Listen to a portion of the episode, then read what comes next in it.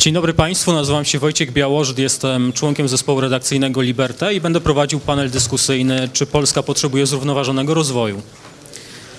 Czy Polska potrzebuje zrównoważonego rozwoju, czy po prostu rozwoju szybkiego? Jaką rolę powinno odgrywać w nim państwo? Co oznacza samo pojęcie zrównoważonego rozwoju?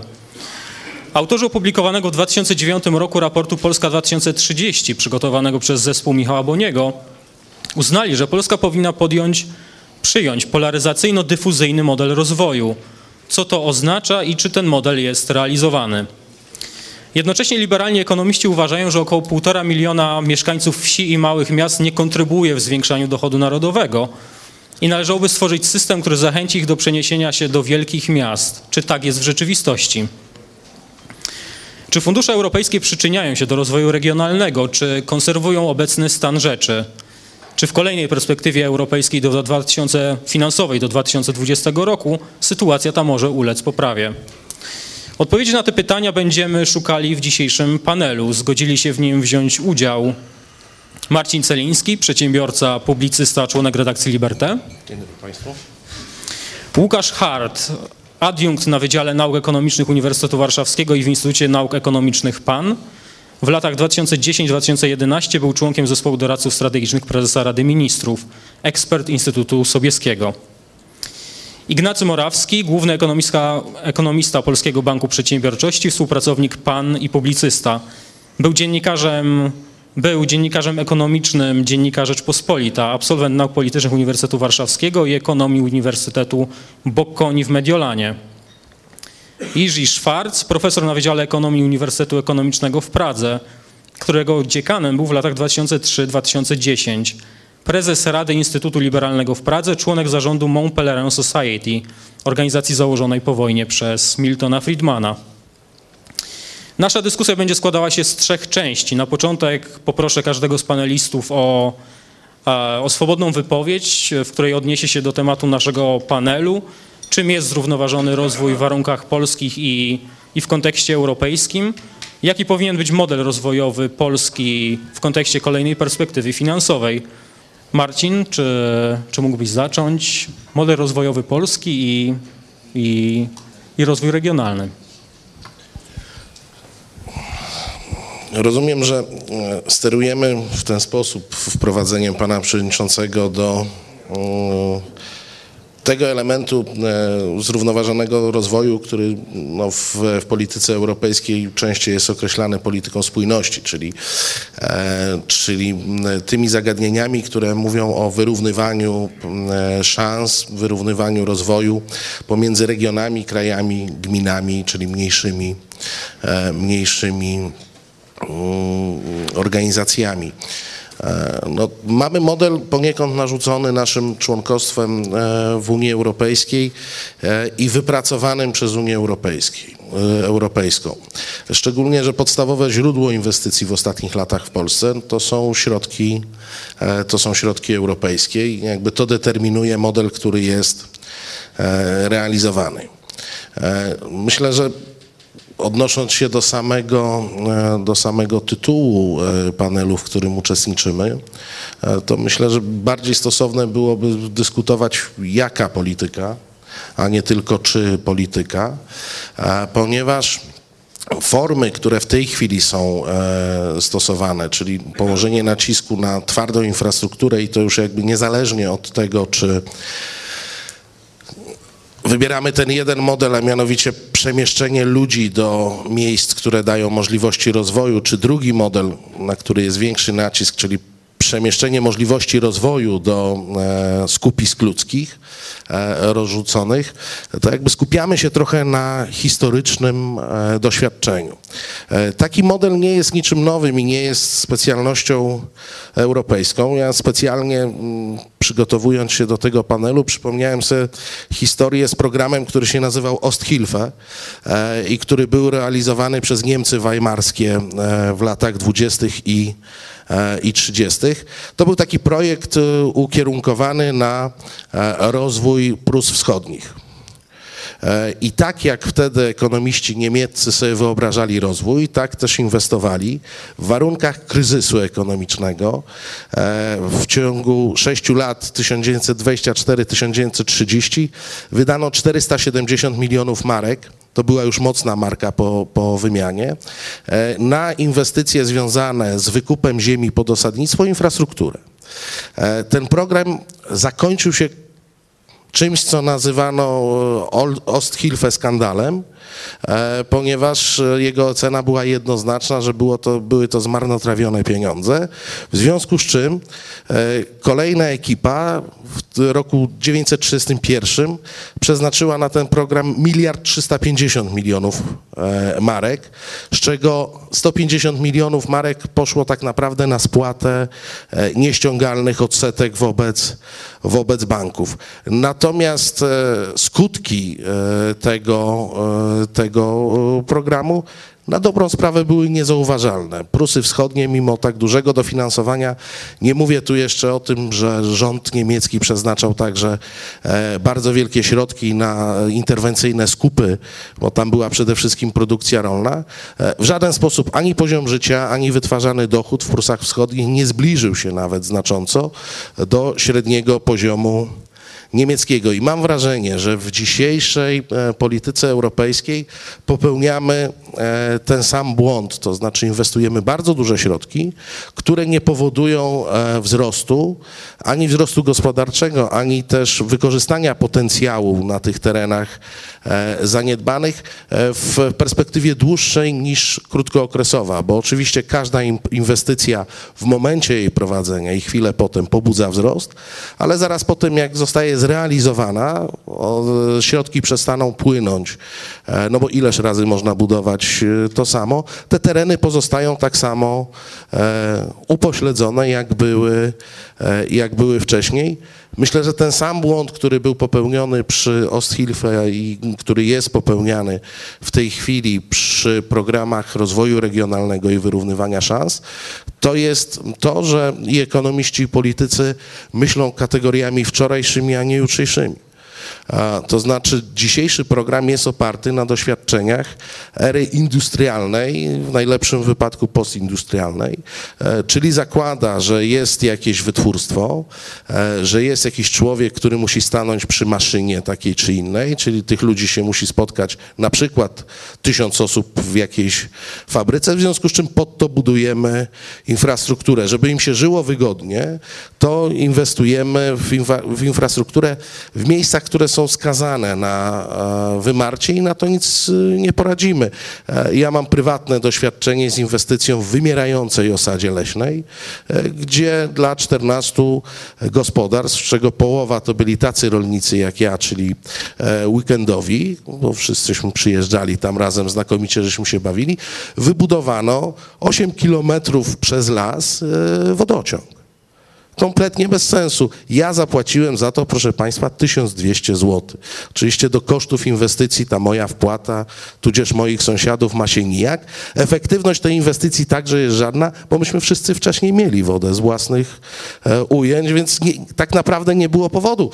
Ale tu się uruchamia pewien mechanizm, który musi się uruchomić. No jeżeli są pieniądze do wzięcia, to taki wójt y, czy taki starosta, no byłby źle oceniany, gdyby z tej szansy nie skorzystał. Nie podniosło to w żaden sposób e, walorów tej wsi. E, Ta wieś nadal e, jakby z tych e, ludzi, którzy produkują rolnie z przyczyn naturalnych, no, no, ta wieś wymiera, jej przyszłość jest ewentualnie letniskowa, czyli rolników mojego pokroju, których zadowala uprawa trawy, tudzież drzew, które dają cień i które dają komfort tam wypoczynku. Bardzo wiele jest takich, bardzo wiele jest takich inwestycji, które powodują, że dysponując wielkimi, ogromnymi środkami, nie, no, gdzie w zasadzie trudno znaleźć analogię w historii, żebyśmy dysponowali e, takimi środkami, no są one wydawane w sposób, który, którego efektu za 5 lat nie odczujemy, czy za 10 lat. E, czyli są lokowane gdzie indziej. E, Kończąc, żeby, żeby nie przedłużać tej, tej pierwszej wypowiedzi, moim zdaniem błąd tkwi w założeniach. Świat się zmienia. Świat jutra to jest świat nowych technologii, także komunikacyjnych. Świat jutra to jest e, świat, szczególnie w Europie, Bo jeżeli się łudzimy, że wygramy w jakiejkolwiek prostej produkcji e, z Dalekim Wschodem, to, to, to możemy się łudzić tylko i wyłącznie. Nie mamy na to szans. E, Naszą szansą jest przeskoczenie do ery nowych technologii, w związku z czym i alokacja e, zasobów ludzkich i e, alokacja ośrodków może być niezależna od ich fizycznego położenia. Mam nadzieję, że będę mógł rozwinąć tę myśl potem, ale teraz już widzę, że Wojtek na mnie patrzy nieprzyjaźnie, w związku z czym kończę. Bardzo dziękuję za e, e, konferencję.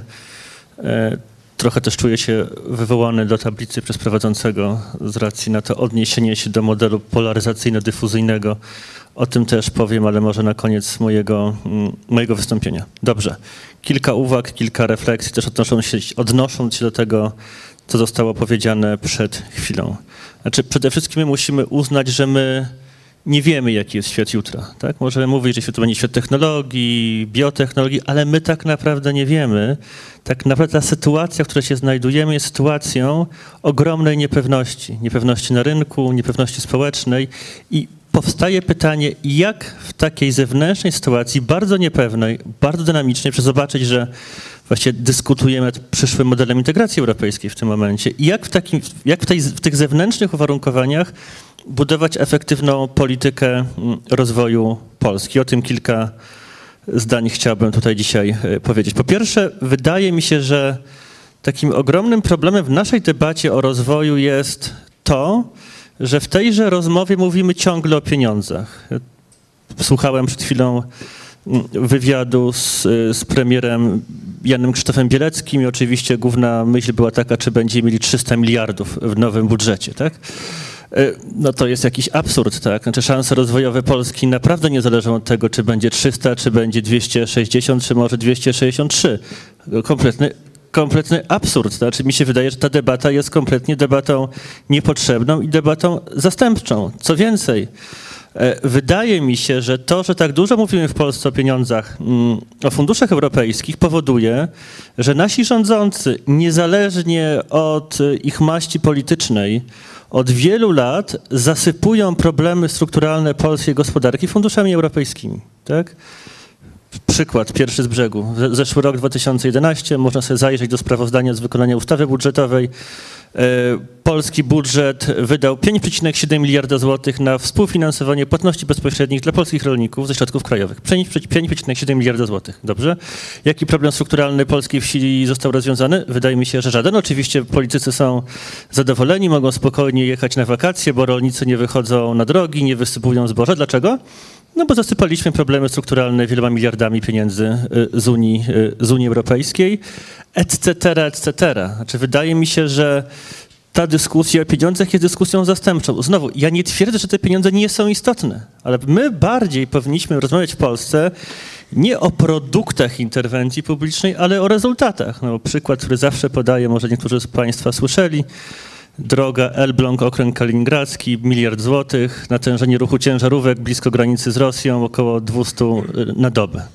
Ta sama droga Malbork, e, natężenie ruchu samochodów osobowych ciężarowych 20 tysięcy na dobę, dobrze? Czyli mamy produkt, wybudowaliśmy piękną drogę, tylko często po niej już nikt nie jeździ, bo na przykład ludzie wyjechali do miasta. Są też takie przykłady, gdzie budujemy wodociągi, kanalizację na obszarach wiejskich, tylko się do niej nikt, nikt nie podłączy, bo po pierwsze albo nie ma pieniędzy, albo tam już ludzi nie ma, bo wyjechali.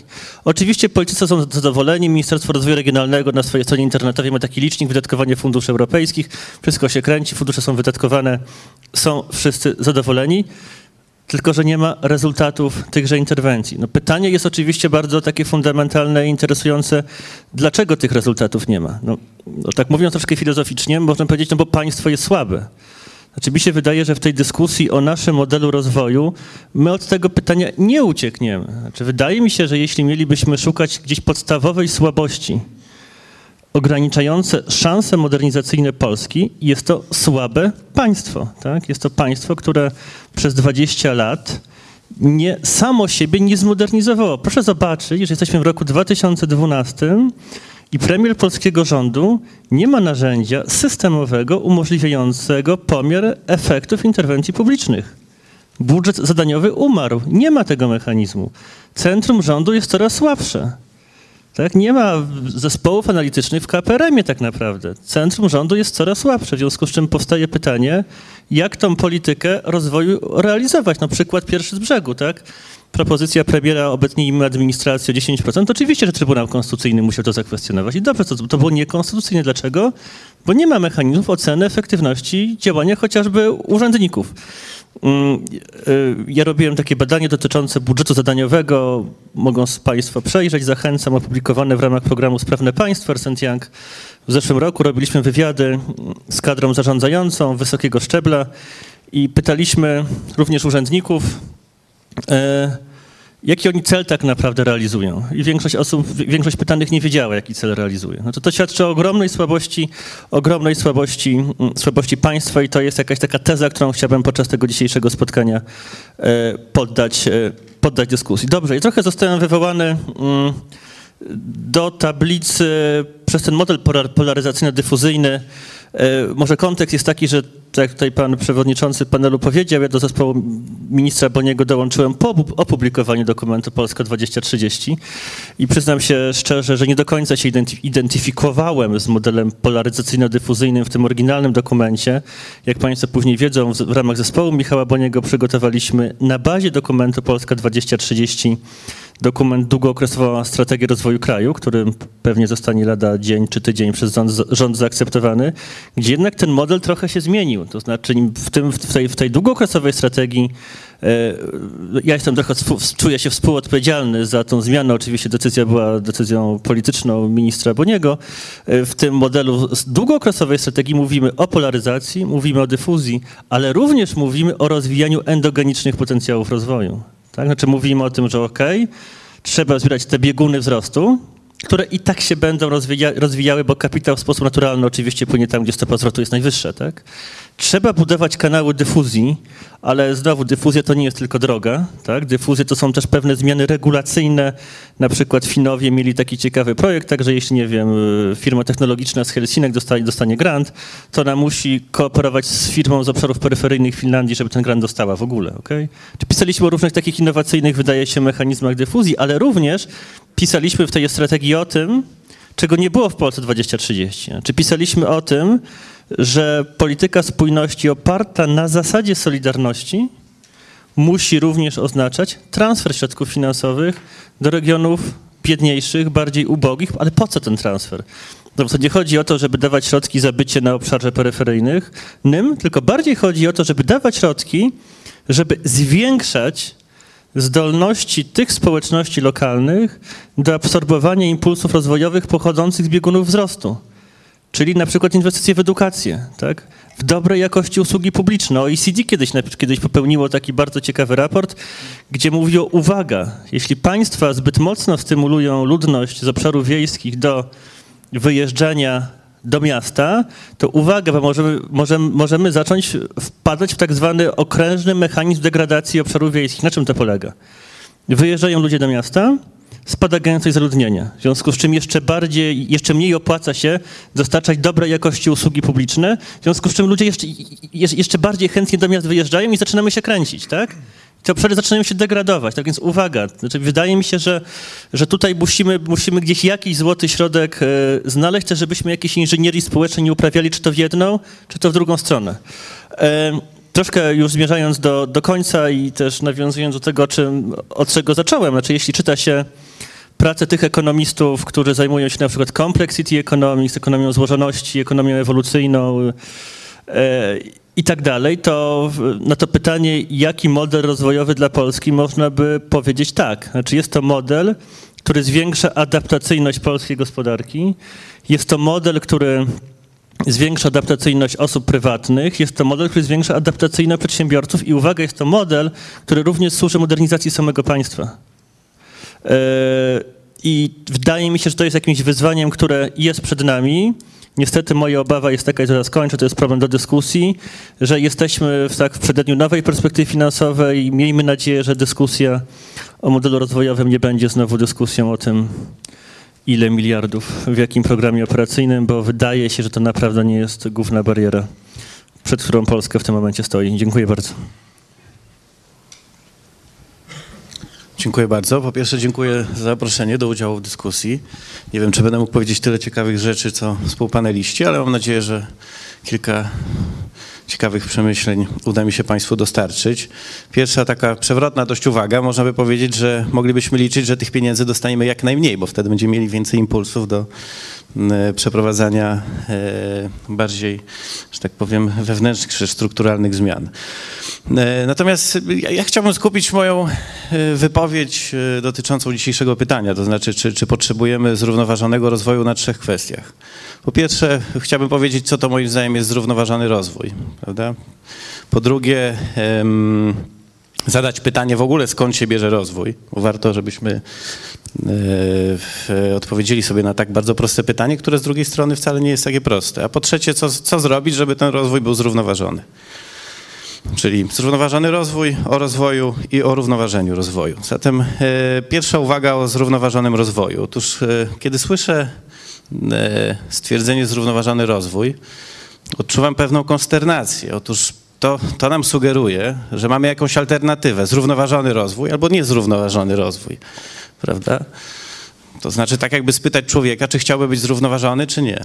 Znaczy, moim zdaniem zrównoważony rozwój, zrównoważony jest to jakby mm, e, jednoznacznie, posiada jednoznacznie pozytywne konotacje. Tak, potrzebujemy zrównoważonego rozwoju. Problem nie tkwi w tym, czy my go potrzebujemy, bo wydaje mi się, że, że zawsze celem polityki gospodarczej jest to, żeby w, w, w, w, tworzeniu i w podziale dochodu narodowego uczestniczyło jak najwięcej ludzi prawda, i społeczności lokalnych. Prawda? No, z tym chyba się zgodzi każdy, że chcemy, żeby we wzroście gospodarczym uczestniczyło jak najwięcej ludzi w kraju, w którym żyjemy. Czyli zrównoważony rozwój, tak, ale problem jak? To jest główne pytanie, tak naprawdę, moim zdaniem. I odniósłbym się tutaj do takiego e, e, problemu, który jest coraz częściej dyskutowany na świecie, szczególnie w Stanach Zjednoczonych, problemu nierówności ogólnie. W Stanach Zjednoczonych teraz to chyba staje się jeden z gospodarczych tematów numer jeden nierówności. Nie tyle między regionami, o których my tu mówimy, ale ogólnie między ludźmi. I teraz pojawia się coraz więcej publikacji, co ciekawe, z różnych stron spektrum, że tak powiem, myślenia o gospodarce. I z, z, tak powiem, ze strony liberalnej i socjalnej, wskazujących, że narastające nadmiernie, nadmierne nierówności są niepożądane. W tym, w, tym, w tym roku tylko ukazało się, ukazały się dwie dość wpływowe książki w Stanach Zjednoczonych o nierównościach. Jedna napisana przez Luigiego Zingalesa, to jest ekonomista z Uniwersytetu Chicago, druga przez znanego wszystkim Josepha Stiglitza. Ciekawe, ciekawe, oboje dość podobnie definiują problem nierówności i jakie mogą być z tym związane wyzwania dla społeczeństwa amerykańskiego, ale podają kompletnie różne sposoby, jak z tym sobie radzić. Zingales wskazuje na radykalnie prorynkową strategię, czyli tak naprawdę rozerwanie takiego małżeństwa rządu, rozrośniętego rządu i rozrośniętych korporacji, czyli tak naprawdę deregulacja, ograniczenie wpływów dużych korp- korporacji, szczególnie banków, ograniczenie wpływu lobbystów, Czyli radykalna prorynkowa strategia. Stiglitz oczywiście tradycyjnie prawda, opowiada się za większą rolą państwa. Czyli e, odpowiadając na główne pytanie dzisiejsze, uważam, że potrzebujemy roz, roz, zrównoważonego rozwoju. Znacznie poważniejszym pytaniem jest, jak, jak do tego rozwoju mamy dążyć. Zatem e, teraz chciałbym powiedzieć kilka słów, e, skoro już odpowiedziałem na pytanie, czy potrzebujemy zrównoważonego rozwoju powiem, skąd w ogóle się bierze moim zdaniem rozwój. Prawda?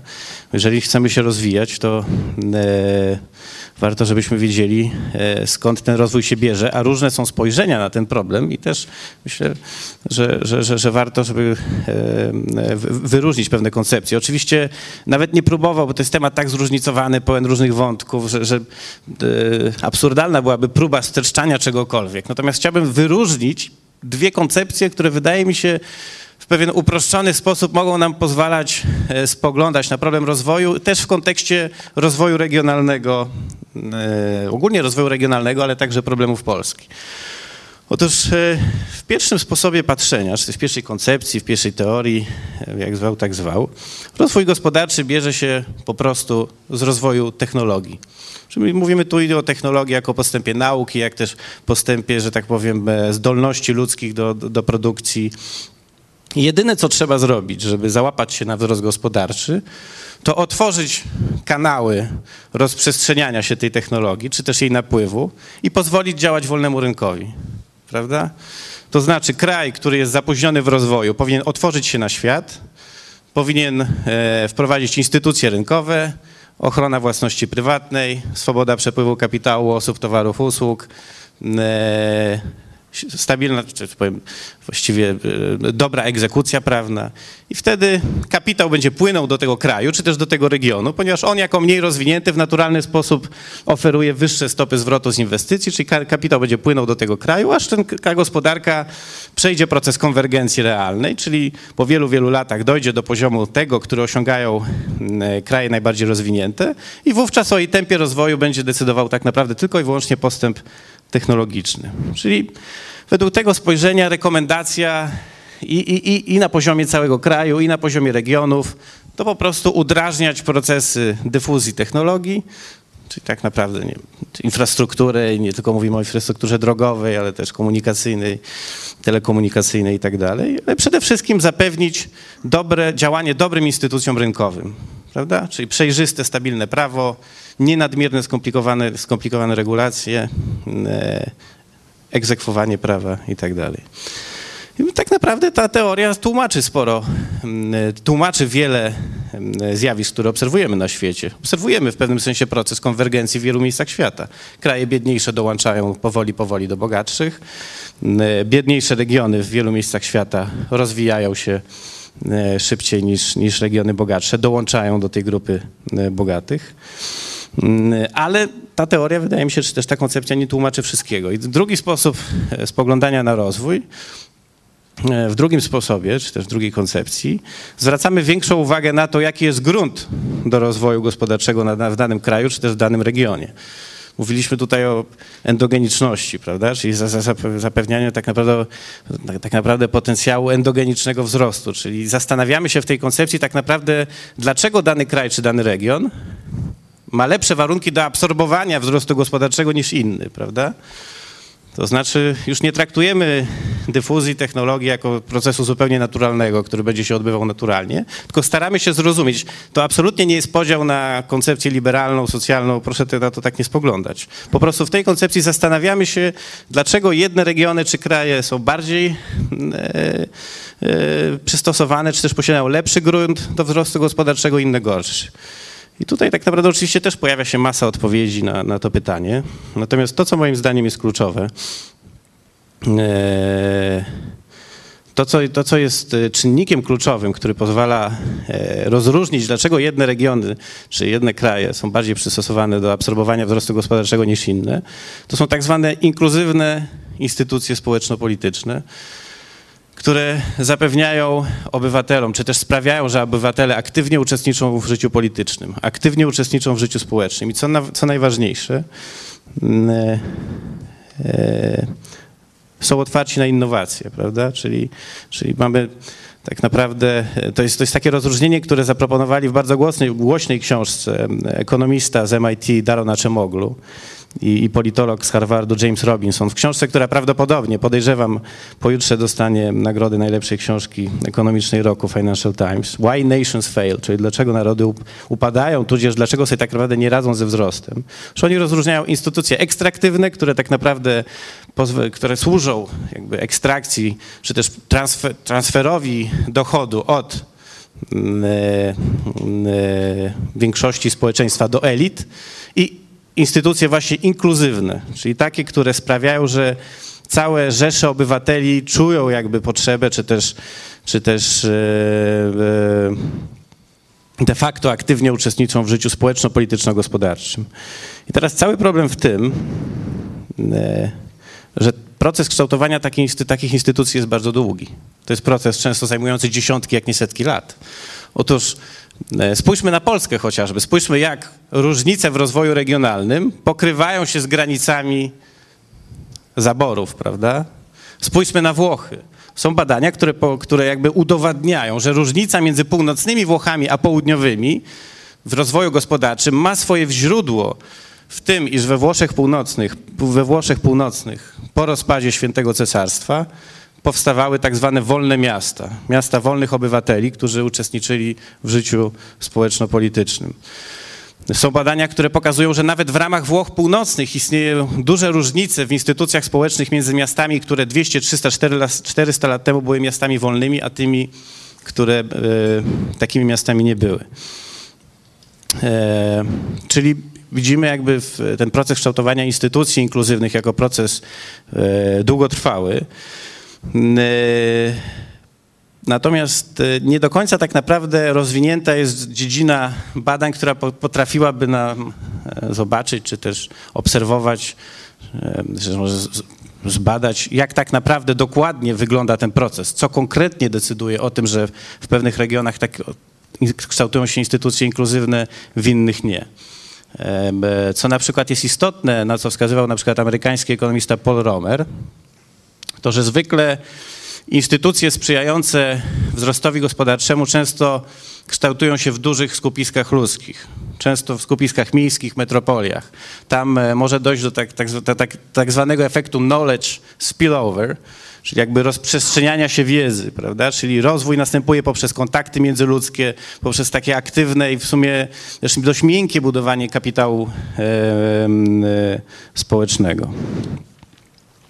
Problem natomiast jest według mnie w opisie tego, jaką państwo ma odgrywać rolę w, w kształtowaniu takich instytucji i w pomaganiu poszczególnym regionom w stymulowaniu rozwoju e, takich instytucji. Powiedziałem o, o e, zrównoważonym rozwoju, powiedziałem skąd moim zdaniem bierze się rozwój. Teraz pewne wnioski, co, co możemy zrobić, żeby ten rozwój był zrównoważony? Znaczy, żeby regiony, które są e, e, bardziej ubogie, czy są ubogie, uboższe, mniej rozwinięte, również w Polsce, mogły e, uczestniczyć we wzroście gospodarczym całego kraju. I co do Polski mam, mam kilka refleksji. Przyznam szczerze, nie mam jednej spójnej wizji. Że według mnie problem jest tak trudny, skomplikowany, że nie, nie staram się nawet stworzyć, że tak powiem, w swojej głowie jednej spójnej wizji, co można zrobić, żeby, żeby zapewnić Polsce zrównoważony roz, rozwój. Natomiast mam kilka, tak powiem, refleksji. Pierwsza jest taka, najbardziej ogólna, wykraczająca trochę poza, poza pytanie o zrównoważony rozwój. Wydaje mi się, że najpierw w ogóle potrzebujemy w Polsce rozwoju, a później będziemy myśleć o rozwoju, że tak powiem, jak rozdystrybuować ten rozwój. Znaczy, wydaje mi się, że zmierzymy się niedługo w Polsce z problemem tak zwanej pułapki średniego dochodu, to znaczy po osiągnięciu średniego poziomu dochodu per capita e, wzrost gospodarczy Polski może spowolnić. E, Historycznie obserwowano takie efekty w wielu krajach. Teraz przechodząc do, do, do, do do kwestii jakby redystrybucji, yy, nie mówię tutaj o redystrybucji w sensie fizycznym dochodu narodowego, ale jakby o procesie zapewniania szybkiego wzrostu różnym e, regionom. Wydaje mi się, że e, koncepcja, o której mówił Łukasz Hart i wspomniał też Wojciech, czyli ta polaryzacyjno-dyfuzyjna, mówiąc brzydko, jest, jest koncepcją dość, że tak powiem, ogólnie mówiąc, dobrą. Mówiąc bardzo kolokwialnie. To znaczy, tak jak powiedziałem, duże skupiska ludzkie lepiej przyjmują, e, lepiej, że tak powiem, adaptują się do, do, do czy też lepiej tworzą grunt dla wzrostu gospodarczego. Stworzenie takich skupisk, w których e, koncentrowałyby się działania rozwojowe państwa, wydaje mi się e, strategią słuszną. Po drugie, nie przeceniałbym, e, i to chyba zgadzamy się wszyscy, prawda, z, z, z tego, co rozumiem moich przedmówców, e, nie, nie, nie, nie chciałbym, żebyśmy patrzyli na działania rozwojowe państwa jako na pewien potencjał środków, które trzeba ulokować w różnych regionach. Znaczy środki publiczne, które trzeba zainwestować. I z tego powodu tych środków mamy mało, więc musimy dokonać pewnych wyborów. To znaczy nie przeceniałbym w ogóle roli inwestycji publicznych, wydawania publicznych pieniędzy w rozwoju e, gospodarczym. Mamy, wydaje mi się, że mamy zbyt mało przekonujących dowodów, żeby stwierdzić, iż duże inwestycje państwa są w stanie pomóc zacofanemu regionowi osiągnąć szybki wzrost gospodarczy.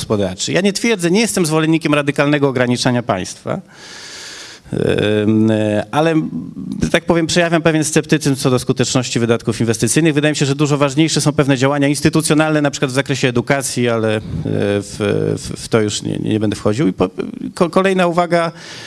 Wydaje mi się, że y, y, obszary biedy i zacofane regiony y, zawsze będą nam towarzyszyły. Znaczy, czy, czy uda nam się niektóre regiony wciągnąć we wzrost gospodarczy, czy nie, zawsze będą pewne regiony, które pozostaną w tyle i musimy zaakceptować, że do tych regionów będą szły dość duże transfery, to co mówił Łukasz Hart. Tam musimy zaakceptować pewien poziom jakby solidarności w, w ramach, b- tak powiem, kraju, prawda? Musimy zaakceptować fakt, że do biedniejszych regionów będą kierowane po prostu dość, dość duże transfery na różne cele, czy też to zasiłki dla, dla, dla bezrobotnych, czy też to wydatki na edukację, aktywizację, cokolwiek. Znaczy, wydaje mi się, że jakiś minimalny poziom solidarności między regionami bardziej zamożnymi, a, a- mniej zamożnymi jest, e, jest potrzebny. Dziękuję serdecznie. Thank you. Thank you to organizers. Bardzo dziękuję. Chciałbym podziękować organizatorom za zaproszenie mnie na niniejszą Um, konferencję. E, Ja dorastałem w Ostrawie. Jest to miasto, które położone jest bardzo blisko polskiej granicy. Jeżeli chodzi o interakcje pomiędzy Polakami i pomiędzy Czechami, także jeszcze za czasów komunizmu były bardzo intensywne i muszę przyznać, że e, podczas mojej trzeciej wizyty do Warszawy, że podejście Polaków do Czechów jest znacznie e, lepsze niż na odwrót. No może tak naprawdę, cóż, jeżeli chodzi o tutaj regiony bardziej ościenne, e, to tutaj to troszeczkę inaczej wygląda. Może rozpocznę moją wypowiedź e, od takiego wahania, e, ponieważ em, miałem pewne wątpliwości dotyczące tytułu tego panelu. Nie jestem właściwie pewien, czy powinniśmy tutaj posługiwać się tym terminem zrównoważony, zrównoważony rozwój. Jest to taki termin, który bardzo blisko kojarzy się z interwencjami rządowymi, z takimi działaniami ostrożnościowymi. Dlatego, że wiemy, że właściwie obecnie cały rozwój realizowany jest poprzez rząd.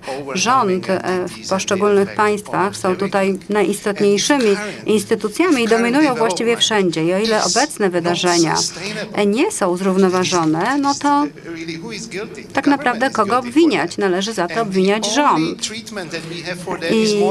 I jedyne lekarstwo, jakie mamy na to, to jest zwiększenie roli rządu. I to jest właśnie problem, który zaprząta mi głowę. Wydaje mi się, że dobrym przykładem jest tutaj energetyka, która realizuje politykę w oparciu o odnawialne źródła. Jest to polityka, która prowadzi do jeszcze większej liczby kłopotów z zieloną energią niż powiedzmy rozwiązań w tym sektorze. Natomiast drugi problem mm, wiąże ze zrównoważonym ze, z rozwojem regionalnym. O co tutaj chodzi? Chodzi tutaj o rozwój takich mniejszych jednostek geograficznych i politycznych niż państwo. Wiem, że eurokraci posługują się tym terminem, kiedy mówią o rozwoju w państwach członkowskich Unii Europejskiej.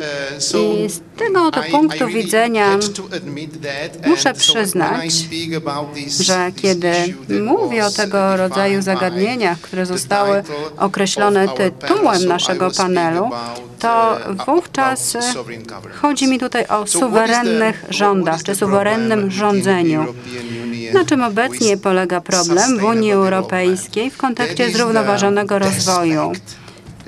A mianowicie chodzi mi o rządzenie.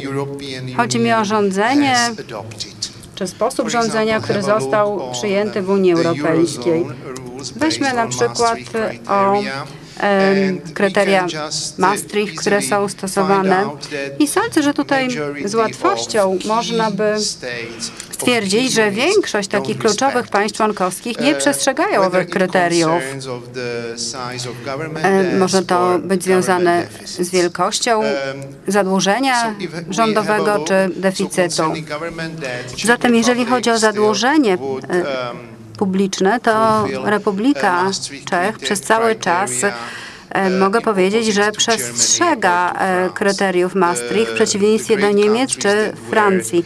To są te wspaniałe, to są te duże kraje, które odgrywały wiodącą rolę w procesie integracji europejskiej.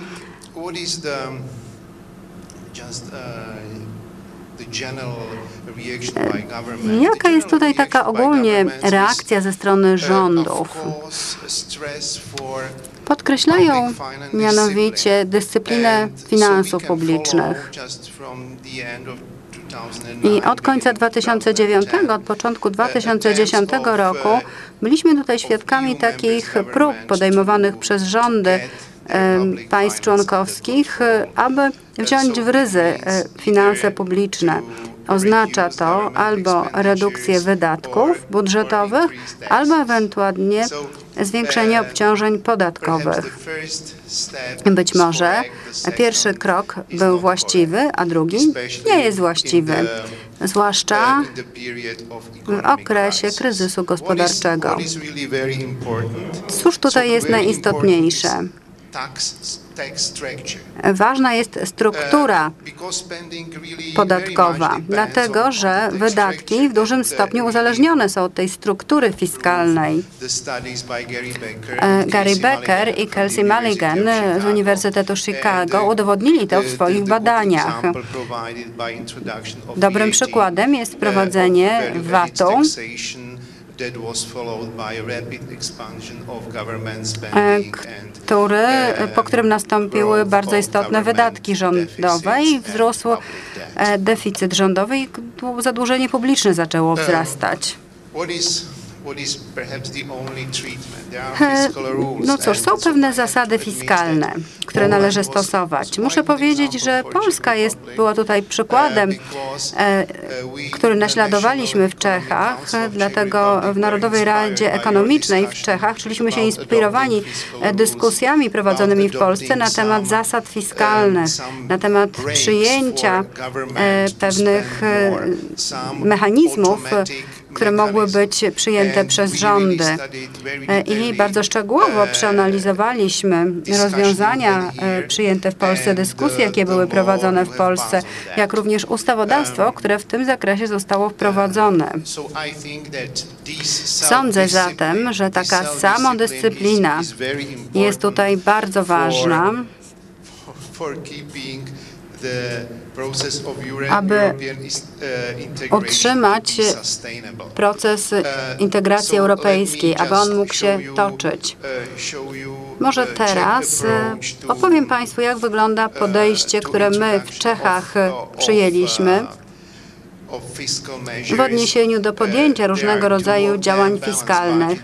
Po pierwsze, mamy tutaj zasadę zrównoważonego budżetu e, i ona opiera się na e, relacji wzrostu PKB i deficytu budżetowego. Czyli Działa to w sposób następujący. O ile wzrost PKB równa się 3%, to wówczas deficyt budżetowy powinien być tutaj odpowiednio zrównoważony. I teraz druga bardzo ważna zasada dotyczy zadłużenia publicznego. Także i tutaj w kontekście tej pierwotnej e, zasady, o której mówiłem, moglibyśmy mieć kłopoty dotyczące zwiększającego się zadłużenia i mamy dwa limity, 40% i 50% to są te wartości progowe. Jeżeli chodzi o limit 50%, to wtedy rząd tutaj musi zwrócić się do parlamentu o potwierdzenie wiarygodności. Zatem są różnego rodzaju działania podejmowane w Unii Europejskiej, zwłaszcza w strefie euro. I to nie byłoby możliwe bez harmonizacji fiskalnej. Euro jako wspólna waleta europejska jest bardzo istotne nie mogłoby funkcjonować bez zasad, które byłyby egzekwowalne przez państwa członkowskie. Natomiast harmonizacja fiskalna, pamiętajmy o tym, że polega na centralizacji fiskalnej. Aby promować tą koncepcję, na pewno trzeba by mieć świadomość bardzo wielu kłopotów, bardzo wiele kłopotów na poziomie państw narodowych, które będą się pojawiać, ponieważ jest tutaj bardzo wiele dwuznaczności.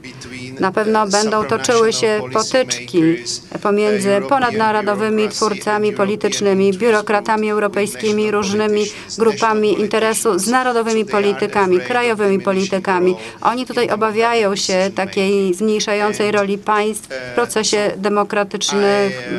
demokratycznym, podejmowania decyzji. Dlatego też wydaje mi się, iż prawdą jest, że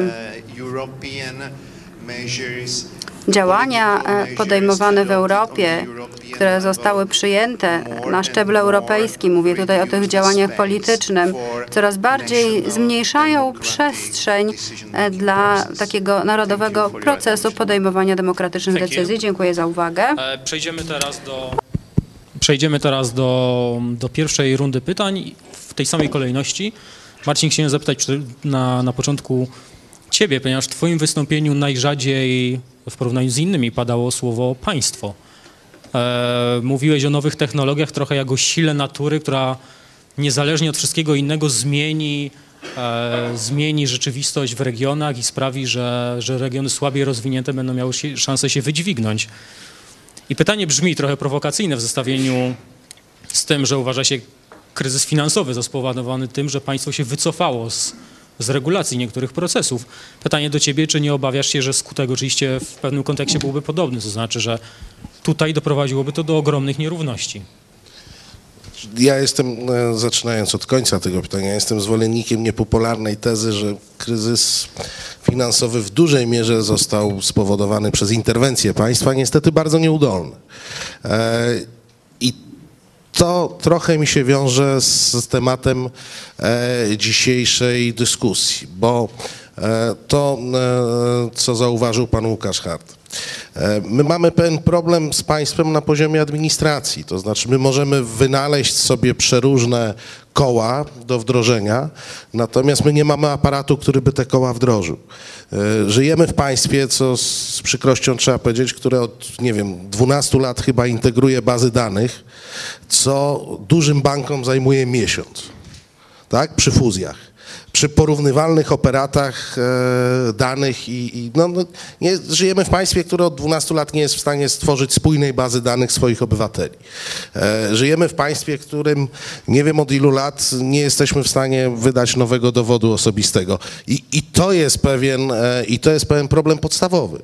Czyli Bo- nie powinniśmy w ogóle liczyć na państwo? E, no, tu w tym momencie e, prowokujesz, natomiast należy stwierdzić fakt, że nasze państwo, nawet przy wymyśleniu określonej aktywnej polityki, najprawdopodobniej nie będzie w stanie przy tym stanie administracji, przy tej kulturze organizacyjnej bądź jej braku, jaka w administracji jest, jakiegokolwiek programu e, w, wykonać. Co nie oznacza, że państwo ma rezygnować z polityki jakiejkolwiek wyrównywania, e, wyrównywania możliwości, ponieważ w interesie państwa jest polityka, przy czym polityka rozumiana nie tylko jako działania, ale także jako świadome zaniechania, bądź jako świadome pozostawienie pewnych sfer e, własnemu życiu, nie przeszkadzanie, mówiąc skrótem, e, państwo zawsze będzie zainteresowane jako organizacja aktywizacją potencjału jeżeli ten potencjał oczywiście jest.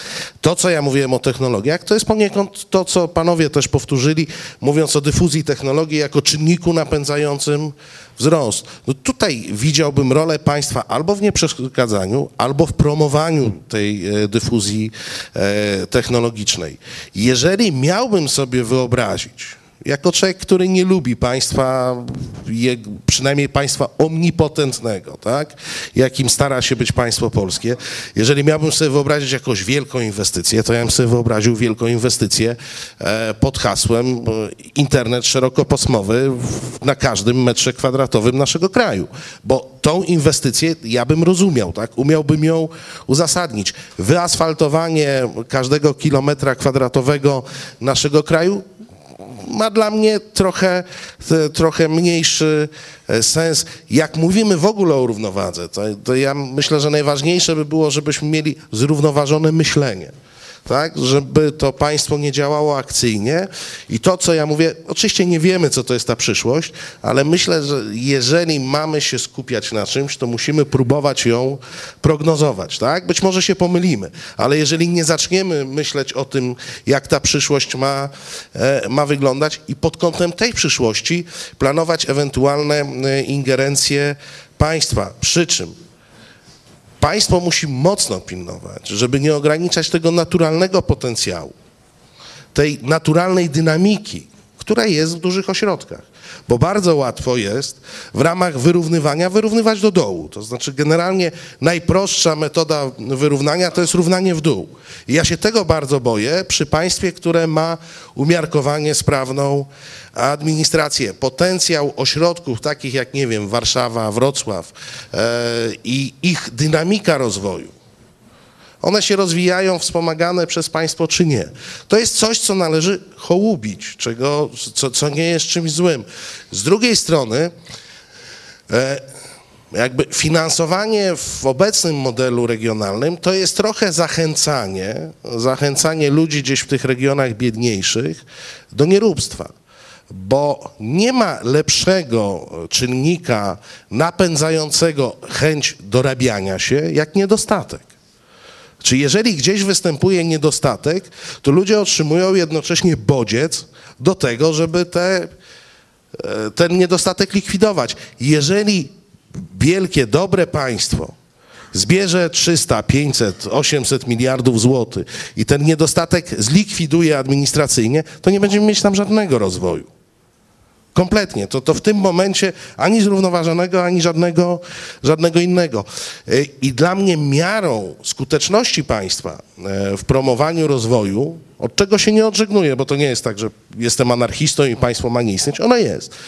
Dla mnie skutecznością i miernikiem byłoby, jaką ilość prywatnego kapitału działania państwa zaprzęgną do tego rozwoju. Bo jeżeli ten rozwój polega tylko i wyłącznie na pieniądzu państwowym z dotacji europejskiej czy jakiejkolwiek innej, to on już jest przegrany.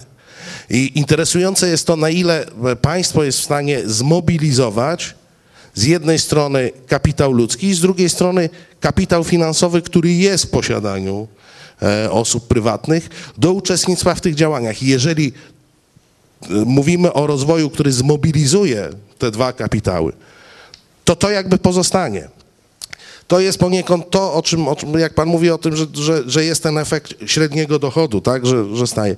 No, musimy, pa, rolą państwa jest wskazywanie, że zawsze można lepiej. Jest jakby podsycanie naturalnej skłonności człowieka do tego, żeby mieć lepiej od sąsiada podsycanie takiego zdrowego e, egoizmu, bo egoizm nie zawsze jest e, pojaratywny. I tutaj są potrzebne, e, i tutaj są potrzebne tylko bardziej bodźce, niż po prostu jakiś taki Mikołaj w postaci państwa, który powie, o ty jesteś biedne dziecko, to masz trzy cukierki, ty jesteś mniej biedne, to masz jednego. No nie, no to jest, to jest jakaś, to jest jakaś paranoja. Czy nasze państwo, czy nasze państwo oczywiście jest zdolne do bardziej skomplikowanych zadań niż przelewy z ministerstwa takiego czy innego e, na określone konta? Tutaj oczywiście jest to pytanie otwarte. Myślę, że największą naszą inwestycją e, w zrównoważony rozwój byłoby e, stworzenie administracji publicznej z przyzwoitą korporacyjną kulturą organizacyjną, która nastawiałaby tę administrację na uzyskiwanie efektów, na pracę zadaniową, na wykonywanie tych zadań, a nie na trwanie. Dziękuję. Żartobliwie podsumowując, można powiedzieć, że w Polsce nikogo nie namawiać, żeby chciał mieć lepiej niż sąsiad. Dopóki mu się lepiej nie zrobi bez Pan doktor Hart, chciałem pana zapytać o, o źródła finansowania pańskiej koncepcji, to znaczy, e, to znaczy w sytuacji, w której mamy ograniczone zasoby, pewną w miarę dużą ilość pieniędzy do 2020 roku, Chciałem zapytać, czy, czy efektem tego, o czym Pan mówił, czyli modelu polaryzacyjno-dyfuzyjnego, jeszcze wspomożonego pewnym pobudzaniem, pobudzaniem e, lokalnym, czy efektem tego nie będzie, że w 2020 roku nie będziemy mieli ani jednego, ani drugiego? To znaczy zainwestujemy bardzo dużo w, e, lokalnie, ale to będzie za mało pieniędzy, żeby doprowadzić do efektu, na jakim nam zależy, a jednocześnie nie będziemy mieli infrastruktury w miastach. I za niecałe 10 lat znajdziemy się dokładnie w tym samym punkcie, w którym jesteśmy teraz. E, Dziękuję za pytanie. Ja nie powiedziałem tak, że e, ten model, o którym mówiłem, ma oznaczać jakąś radykalną, radykalnie zwiększoną, tak, radykalnie zwiększony transfer do reg- regionów bie- biedniejszych w Polsce. Znaczy, ja tego nie powiedziałem i wydaje mi się, że to oczywiście pewnie byłoby błędem. Tak? Ten model bardziej jest modelem terytorialnego równoważenia rozwoju, wyrównywania pewnych szans rozwojowych. E, takie badanie robiłem ostatnio bardzo proste, dotyczące mm, właśnie mechanizmu dyfuzji. Tak? I okazuje się, że nie wiem, od czego zależy poziom przeciętnych pensji w, w okolicach, nie wiem, Warszawy, w województwie mazowieckim. Odpowiedź jest dosyć oczywista, od odległości, ale w minutach od Warszawy. Tak? Znaczy to jest, jak robimy model ekonometryczny, to odległość w minutach od Warszawy, nie mówię w kilometrach, bo ta, ta, zmiana nie ma sensu. Czasami jesteśmy bardzo blisko, ale jedzie się czasami pół godziny czy godzinę samochodem.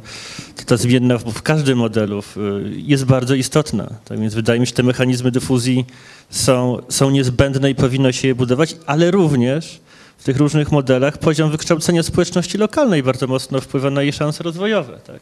tak więc ja bardziej mówiłem o tego typu inwestycjach lokalnych, tutaj się zgadzam. Też cieszę się, że, że, Ignacy Morawski nawiązał do tej literatury mówiącej o tym, że jak patrzymy historycznie, to innowacje powstawały głównie w dużych skupiskach ludzkich. Tak? Jest taka znakomita książka e, Edwarda Glazera, to jest ekonomista z Harvardu, który napisał książkę Triumf Miasta. To jest bardzo głośna książka i żywo dyskutowana, gdzie on pokazuje historycznie, jak to mocne interakcje pomiędzy ludźmi powodują powstawanie pewnych no, idei, które przełamywały pewne bariery rozwojowe. Tak? I w tym sensie to jest to, w tym sensie jest to pozytywna wizja. Inne ekonomisty, nawet sobie wynotowałem cytat z jego książki, mówię teraz o da, Danym Rodriku, też, też ekonomiście z Harvardu, którego książka One Economics, Many Receipts i ukazała się niedawno po polsku, tak, jedna ekonomia, wiele recept, tak, bo recept na wzrost jest bardzo dużo. To, co mówił też Ignacy, te dobre instytucje po pierwsze są inkluzywne, po drugie muszą być zgodne z lokalną kult- kulturą, dlatego tych recept jest dużo. I Rodrik pisze tak, uruchomienie mechanizmów wzrostu gospodarczego nie wymaga, nie wymaga głębokich i zakrojo, zakrojonych na szeroką skalę reform instytucjonalnych. To jedna z najważniejszych i zachęcających lekcji związanych z analizą historyczną doświadczeń poszczególnych krajów. To pisze Danny Rodrik, to miał bardzo ciekawy wykład tydzień temu w Warszawie. Tak, to, to jest inne trochę patrzenie. Tak? Co to jest dobra polityka rozwoju? Jest to polityka, która identyfikuje te wąskie gardła. I tam jest interwencja państwa. Tam, gdzie państwo jest niedoskonałe, też wymaga pokory oczywiście od po- poszczególnych interesariuszy, szczególnie polityków, bo oni często chcą państwa omnipotentnego, tak? I tam, gdzie, i, i, tam, gdzie rynek nie działa, tak? Często mówimy o, o takiej koncepcji good governance, tak, że trzeba poprawiać jakość rządzenia. Paradoks jest taki, jakie to obserwuję, tak, że przyjeżdżają eksperci, nie wiem, z różnych instytucji międzynarodowych i mówią, poprawcie jakość rządzenia. Tylko, że oni formułują zwykle tyle, ty, tak dużo rekomendacji, że prawdopodobnie każdy z najbardziej dobrze zo- rządzonych krajów by sobie nie poradził z ich rekomendacjami, tak? I to jest tak trochę paradoks tej debaty o jakości państwa, mi się wydaje. Mi się bardziej podoba koncepcja good enough governance, to znowu pochodząca od pewnej grupy ekonomistów z Harvardu, tak, że identyfikujmy wąskie gardła i tam koncentrujmy i debatę publiczną, która jest ważna, tak, żeby wywierać presję na, na, na politykach. I wydaje mi się, że to też, to też powiedział przecież to mój przedmówca, że u nas tym, tym wąskim gardłem jest oczywiście, jest oczywiście państwo, tak. Jestem przekonany i o tym mówią sami klasycy myśli liberalnej zresztą, tak, chociażby sam Adam Smith. Może bardziej w teorii uczuć moralnych, a nie w bogactwie narodów. Także, że bez państwa, które reguluje i daje pewne instytucje, jakiejkolwiek gos- postaci gospodarka wolnorynkowa jest niemożliwa. Tak, Ronald Coase, to jest Nobel z, ekonomii 91 rok, mówił tak, że państwo to jest regulacja i interwencja. Tak, tu możemy się oczywiście spierać ideologicznie trochę, jak dużo interwencji, czy jak mało, etc., czy duże, czy małe państwo, ale wydaje się, że, że w ekonomii nie ma dyskusji, że rynek wymaga państwa. Państwo, które reguluje. Proszę zobaczyć, jak spojrzymy na, na to, kto dostaje Nobla z ekonomii. No, obecny rok, tak? E, Market Design, Matching Technologies, 2009 rok, Oliver Williamson, ekonomia kosztów transakcyjnych, ekonomia instytucjonalna. Już nie mówię o całej serii Nobel z początku 90., 91 Coase, trzeci Fogel North, etc., tak? To wszystko są ludzie, szczególnie North chociażby, to jest bardzo ciekawe, on kiedyś taki, na takim wykładzie w latach 90. powiedział pół żartem, pół serio, że gdyby nie Polska i transformacja ustrojowa, to on pewnie Nobla tak szybko by nie dostał, tak? Bo, bo transformacja ustrojowa bardzo ładnie pokazała tak, że instytucje są ważne, a to była główna teza jego książki, chociażby z 90 roku. Tak więc wydaje mi się, że to być może zachęcę do organizatorów, że warto dyskutować po prostu o państwie, tak? o tym, w jakim stanie jest państwo, administracje, czy te wszystkie polityki, o których tu możemy mówić, rzeczywiście będą mogły być e, w przyszłości e, realizowane. Dziękuję. Dziękuję bardzo. Ignacy, e, pytanie, pytanie do ciebie również o rolę państwa, które się przewija i właściwie prawie wszyscy się zgadzamy. W, państwo się zgadza, zgadzacie w, w tej sprawie, ale chciałbym tą, to, o czym mówiłeś, osadzić w dosyć konkretnym kontekście. To znaczy, to znaczy sam przyznałeś, że, że reforma państwa i, i zreformowanie państwa to długi proces. Tymczasem my jesteśmy w sytuacji, w którym państwo jest bardzo słabe, a jednocześnie, e, a jednocześnie jeszcze powiedzmy do 2020 roku będzie sporo pieniędzy do zagospodarowania, jeżeli chodzi o rozwój regionalny. To znaczy, co zrobić w tak konkretnych okolicznościach, tak? No, rozumiem, że można robić wszystko jednocześnie, ale generalnie, generalnie chodzi o to, jakie priorytety przyjąć. E, dziękuję za pytanie. Ja generalnie patrząc, obserwując e, politykę gospodarczą w Polsce, w ogóle to, co się dzieje w Polsce, mam pewien fundamentalny problem. Znaczy, z jednej strony wydaje mi się, że osoba, która się wypowiada na temat tego, co się dzieje w kraju, powinna formułować jakieś wnioski, rekomendacje, co powinno zostać zrobione. Z drugiej strony ja jestem dość sceptyczny co do tego, co w ogóle można zrobić w, w Polsce z państwem, z naszą biurokracją. Jednym z fundamentalnych problemów polskiej biurokracji, bo mówimy tutaj, żeby zmienić państwo, żeby ono było bardziej efektywne, czy też to w, w, w kierunku bardziej jakiejś kultury korporacyjnej biurokracji, czy też innych rozwiązań, ale kluczowym problemem, który leży, wydaje mi się, u fundamentów nieefektywności biurokracji, jest niskie, jest niskie zaufanie w ogóle w społeczeństwie polskim. Polacy należą do narodów o dość niskim poziomie zaufania. Jest, jest takie, takie badanie World Values Survey, które bada generalnie nastawienie ludzi do różnych wartości. I tam było pytanie, czy, czy, czy generalnie uważasz, że ludziom warto ufać? Tak odpowiada chyba 19% Polaków. To jest jeden z, jeden z niższych poziomów w, w, Europie. I teraz ze względu na to, że niskie jest zaufanie, każda decyzja administracyjna wymaga dziesiątek różnych innych podpisów, akceptacji, zgód, kontroli. Ludzie, biurokracja to nie jest jakiś twór, prawda, jakiś stwór, który chodzi na nogach i idzie. To są ludzie. I ci ludzie nie podejmują decyzji. Biurokracja nie jest, ludzie, którzy pracują w polskiej biurokracji, nie są decyzyjni, oni się boją. Jak ktoś, rozmawiałem z, z, z, z pewną osobą, która była wiceministrem integracji Europy, w Urzędzie Komitetu Integracji Europejskiej, ona mówi, zanim ja podjąłem decyzję, chciałem mieć opinię tu, tego ministra, tego prokuratora, kogoś, generalnie pięć bodajże instytucji, które musiały wydać opinię. Rozmawiałem tutaj przed naszym panelem z jedną z osób, która tu siedzi na sali, która mówi, że żeby pojechać na konferencję, musi mieć podpisy pięciu osób, w tym marszałka bodajże, czy też szefa tego urzędu, w którym e, pracuje. I teraz, czy, czy, w kulturze tak niskiego zaufania możemy zbudować e, efektywną biurokrację? Mam wątpliwości. A z drugiej strony chciałbym formułować jakieś rekomendacje. Co można zrobić? Jak można to państwo e, rzeczywiście uczynić bardziej efektywnym? Czy, i, tutaj przechodzę do, do, do, do, do, tematu funduszy europejskich. Ja mam duży problem z pytaniem, czy fundusze europejskie służą polskiej gospodarce, czy nie. Z jednej strony, z jednej strony trudno, mi, trudno mi byłoby zaakceptować tezę, że nie służą, prawda? I jednak Polska jest krajem o tak niskim poziomie rozwoju infrastruktury. No mówimy tutaj, żeby nie asfaltować całego kraju. No ale przynajmniej, żeby ten asfalt był gdzieś, gdzie chcemy dojechać do jakichś podstawowych, że tak powiem, ośrodków. No żeby przejechać z Warszawy do Wrocławia, potrzeba przecież, e, nie wiem, 7 godzin pociągiem i samochodem też nie mniej, prawda? Znaczy jakiś podstawowy rozwój infrastruktury jest, jest konieczny, czyli wydaje mi się, że jednak te... Przepraszam, czy my bylibyśmy w stanie wygenerować te środki? Mam pewne wątpliwości. No z drugiej strony Nie przypominam sobie w historii świata kraju, który wskoczyłby na wyższy poziom rozwoju dzięki temu, że otrzymywał transfery z zewnątrz. Co więcej, znam wiele przykładów krajów, które dzięki wysokim transferom z zewnątrz spadały w poziomie rozwoju. Poczynając od Hiszpanii XVI wieku, do której płynęły tony, setki ton złota z Ameryki Południowej, już w XVII wieku Hiszpania była o, że tak powiem, e, kilka kroków za Wielką Brytanią, która podbijała Amerykę Północną, gdzie żadnych surowców nie było, prawda? Patrząc na wszystkie kraje surowcowe, które E, które są najczęściej krajami ubogimi. Ktoś mówi Norwegia, ale z drugiej strony jest Finlandia, która jest skuta lodem i jest też bogata, prawda? Czyli tam to źródło sukcesu tkwi w edukacji. Więc mam bardzo ambiwalentny stosunek do funduszy europejskich. Z jednej strony mi się wydaje, że e, trudno mi się pogodzić z hipotezą, że one nie służą Polsce. Z drugiej strony trudno mi się, trudno mi znaleźć jakieś bardzo silne argumenty, że służą. Czyli ja jestem taką osobą po prostu rozdartą między tak naprawdę różnymi argumentami dotyczącymi rozwoju polskiej gospodarki. Ja myślę, że w różnych dyskusjach, które prowadzimy, powinniśmy schodzić kilka szczebli niżej. Coraz niżej, na patrzeć na konkretne problemy. Przykład, edukacja. Prawda? Co zrobić, żeby zwiększyć w Polsce e, jakość edukacji na przykład na poziomie podstawowym?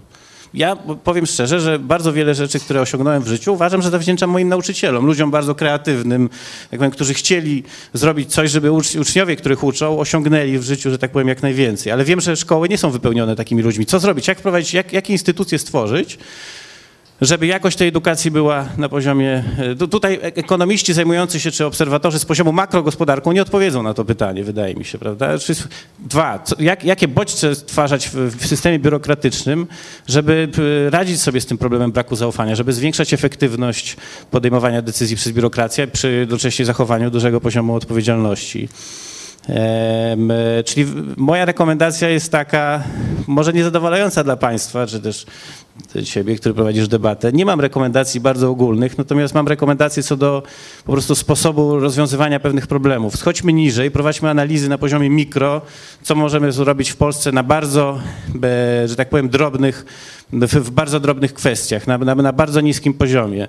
I, tu, I, tutaj niestety też oczywiście administracja zawodzi. Nie, nie ma po prostu analiz, że tak powiem, e, e, polityk gospodarczych w Polsce na, na jakimkolwiek poziomie, wydaje mi się. Nie, nie, nie ma dyskusji merytorycznych czy też analitycznych dotyczących żadnych właściwie istotnych kwestii. Czyli ja, ja jestem e, w takim nastroju dość dekadenckim, jeżeli chodzi o możliwości rozwoju, rozwoju szybszego rozwoju po prostu Polski. W, w, znaczy będziemy się rozwijać pewnie w tempie niewiele niższym niż do tej pory. Te 4% długookresowy poziom wzrostu pewnie spadnie do 3, 2,5% no to będzie cały czas wzrost, prawda? No ale my chcemy więcej, prawda? I ja nie za bardzo umiem znaleźć tak szybko odpowiedzi, co zrobić, żeby było więcej, żeby zaabsorbować te środki europejskie, zwiększyć e, efektywność biurokracji. E, wydaje mi się, że, że, że będzie po prostu bardzo trudno. Dziękuję bardzo. Jeżeli zanim oddam głos profesorowi Szwarcowi, mam, mam taką refleksję, że że, że co prawda mieliśmy mówić o rozwoju regionalnym, ale każdy z nas wymienia mnóstwo problemów, jakie, jakie jest w Polsce i ta lista jest prawie nieskończona, a najgorsze jest to, że, że na końcu wszyscy mamy poczucie, że i tak się nic z tym nie da zrobić. I, i chcesz, chcesz coś robić, tak. ale widzisz, że po prostu mur, ściana, wiesz. Aha. Panie profesorze, should I speak English? Yeah. Uh, także chciałbym teraz zadać pytanie dotyczące e, regionalnej polityki europejskiej w kontekście e, nowej perspektywy mm, europejskiej do roku 2020. Jak Pan ją oszacowuje? Czy jest możliwe stwierdzenie, jakie powinny być priorytety w najbliższych latach? No przyznam, że jestem sceptycznie nastawiony, jeżeli chodzi o wspólną politykę europejską. Mój sceptycyzm bierze się z tego, że Następują tutaj zmiany, jeżeli chodzi o zasady głosowania w Unii Europejskiej. Odejście od y, jednomyślności do głosów y, decyzji większościowych uważam za zjawisko niebezpieczne. W Europie nie szanujemy reguł, które sami przyjmujemy w ramach reguły jednomyślności. E, Więc e, w jaki sposób można by oczekiwać, że będziemy szanowali reguły, które będą przyjmowane e, w systemie większościowych głosowań, gdzie niektóre kraje po prostu zostaną przegłosowane. Więc będą kraje, które po prostu całkowicie nie zgadzają się z polityką, która była przegłosowana nie będą się zgadzali na konkretne dyrektywy czy kierunki. Więc w jaki sposób możemy następnie egzekwować tego rodzaju decyzje? Więc istnieje tutaj sceptyzm, który wynika właśnie z tego przesunięcia, że na przykład nie wyrażamy zgody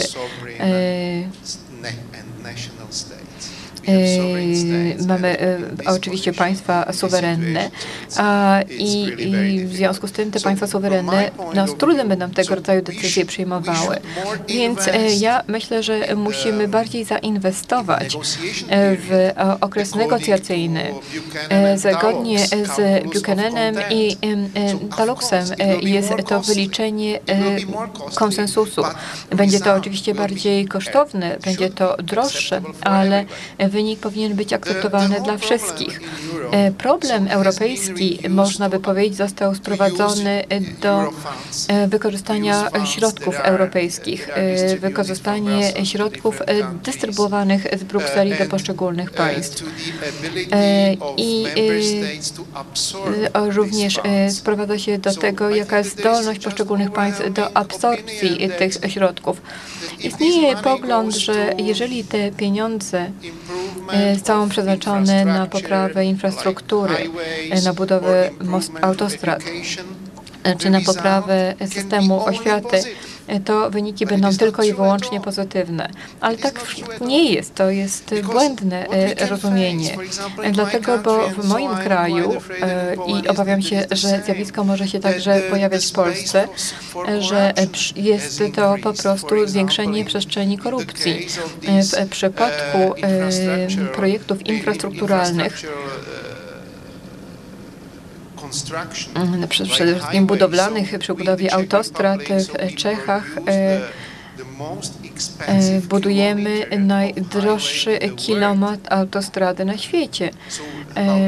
Także jest to mniej więcej dwa razy droższe niż koszt budowy autostrady w Szwajcarii kilometra autostrady Szwajcarii. Jaki jest powód? No, przede wszystkim wynika to z tego, że działamy w systemie, który został stworzony jako tak zwane ograniczenia miękkie w budżecie. To przede wszystkim jest w pewnym sensie propagowane przez budżet europejski. Inwestycje są prowadzone w obszarach, w których byśmy nigdy nie inwestowali, dlatego bo byśmy nigdy nie mieli zwrotu tych inwestycji. To samo również dotyczy edukacji. Rząd e, jest e, naprawdę krytykowany, że nie udało nam się wchłonąć około 2,5 miliarda e, euro na programy edukacyjne. Opozycja w Czechach, nauczyciele, wykładowcy akademiccy uważają, że to jest dramat, że to katastrofa, że będzie to miało negatywny wpływ na wiedzę i poziom wykształcenia. Ja się z tym nie zgadzam. Dlaczego? Bo my mamy teraz specjalne agendy, które zostały utworzone w Czechach, które zostały stworzone tylko po to, żeby rozprowadzać, dokonać dystrybucji środków europejskich. Te agendy z kolei generują niekiedy racjonalne projekty, ale bardzo często są to projekty nieracjonalne, które są finansowane ze źródeł europejskich. Także do czego to prowadzi? No, prowadzi do bardzo dziwacznej alokacji środków. Ja jestem przekonany, że jest to po prostu mm, e, niszczące, wyniszczająca alokacja środków. E, taka, która e, na dobrą sprawę niszczy długofalowe kryteria dla sensownego alokacji środków. Mamy teraz inne zasady właśnie tych transferów środków i jestem przekonany, że nie są one zdrowe, nie są one uzasadnione. Także dlatego jestem sceptykiem co do efektywności polityki europejskiej, gdyż naprawdę i budżetu do 2020 roku.